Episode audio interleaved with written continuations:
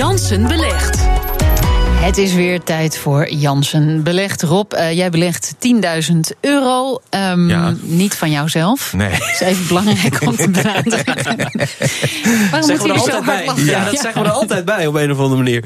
Ja. Nou, dat is belangrijk om te weten. Want ja, ja, uh, anders dan zou jij als journalist dat ook niet kunnen doen. Want dan zou je hier met een ander belang uh, staan. Zou ik met een ander belang staan? Uh, nou, het is in dat verband misschien wel aardig om op te merken dat voor Jansen belegd. In deze rubriek kan ik beleggen, en dat doe ik ook, in individuele aandelen van, van, van individuele bedrijven. En ben ik niet beperkt tot beleggingsfondsen of trackers, maar privé ben ik, en jij ook Petra, uh, gehouden om dat niet te doen. Het is ons niet toegestaan uh, om in individuele aandelen te beleggen. Voor deze rubriek uh, kan dat dus wel. Nou, vertel. Hoe staat de ehm, portefeuille ervoor? Staat hij in de plus, in de min? Hij staat in de plus, maar dat is wel vooral gedragen door Shell. Ik heb aandelen Shell. En um, door de relatief hoge olieprijs blijft het goed liggen. En andere, ik, in het begin deed AB InBev, die bierbrouwer die ik heb, die deed het heel goed. Maar ja, dat loopt toch eventjes wat minder.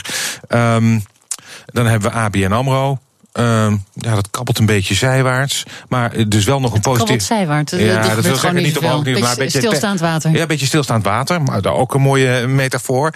Um, en uh, ja, het is dus vooral die, de, de goede uh, uh, prestatie van Shell dat ervoor zorgt dat we uh, lichtjes in de plus staan. Ah, we, we, uh, de ik. Jouw, ja, Janssen Beleg staat licht in de plus. Ja. Maar goed, Rob, de, Shell is natuurlijk behoorlijk in het nieuws geweest ook vandaag. Heeft dat dan nog effect op de aandelen? Misschien ook even uitleggen hoe ze in het nieuws zijn gekomen. Ben van Beurden, de topman van Shell, heeft iets gezegd over een film die zij al hebben gemaakt in de jaren negentig. Over vervuiling. Ja. En dat ze daar ja, anders mee hadden moeten omgaan. Ja, dat klopt. Uh, er is veel te doen om hoe Shell omgaat uh, met, uh, met milieu.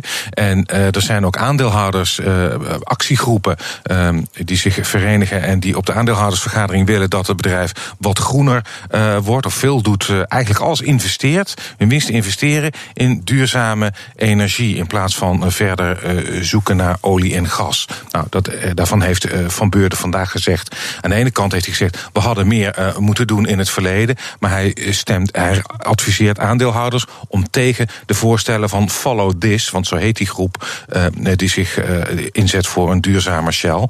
Um, uh, daarvan zegt hij, nou, die voorstellen die moet je, die kun je beter niet opvolgen. Okay. Maar, dus een beetje door, maar, oh, maar ben jij er dan nog op... mee bezig dan dat je denkt van, nou, ik laat me een beetje leiden door dat Follow This of meer dat Ben van Beurden verhaal vind ik wel aannemelijk. Ga ik mijn aandelen verkopen of niet? Ben je daarmee bezig of zeg je, ik wil nou, gewoon klinkende je... euro's? En, ja, dat laatste eigenlijk. Ik moet toch wel, het is heel hard werken om uh, een goed rendement te halen. Dus uh, daar, daar richt ik me dan toch wel primair op, moet ik eerlijk zeggen. Ga je de komende periode nog wat doen?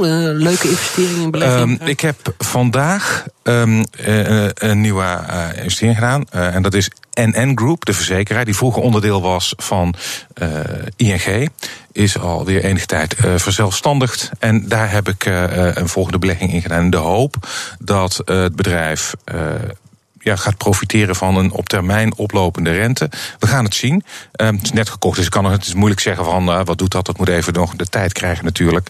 Um, maar op basis waarvan heb je deze keuze nou, Onder andere ook uh, waarbij uh, die, een, een, een overweging die ook bij de andere fondsen speelde, het dividendrendement. Dat ligt boven de 5% als je kijkt naar de koers waarvoor ik het heb gekocht. Dus dat is, dat is lekker. Ik ben ook heel benieuwd hoe het cijferseizoen, want dat gaat volgende week van start, hoe mijn bedrijven het gaan doen en wat ze gaan uitkeren aan dividend. Want we hebben het steeds over de koers. Ik denk, nou ja, ja maar ja, Rob zit, die denkt, nee, ik moet het moet komen weten. Precies. De, de dividenduitkering, dat wordt natuurlijk ook een deel van mijn rendement. Dus ik, ik zie dat ga je eigenlijk doen met dat rendement? Uh? Herbeleggen.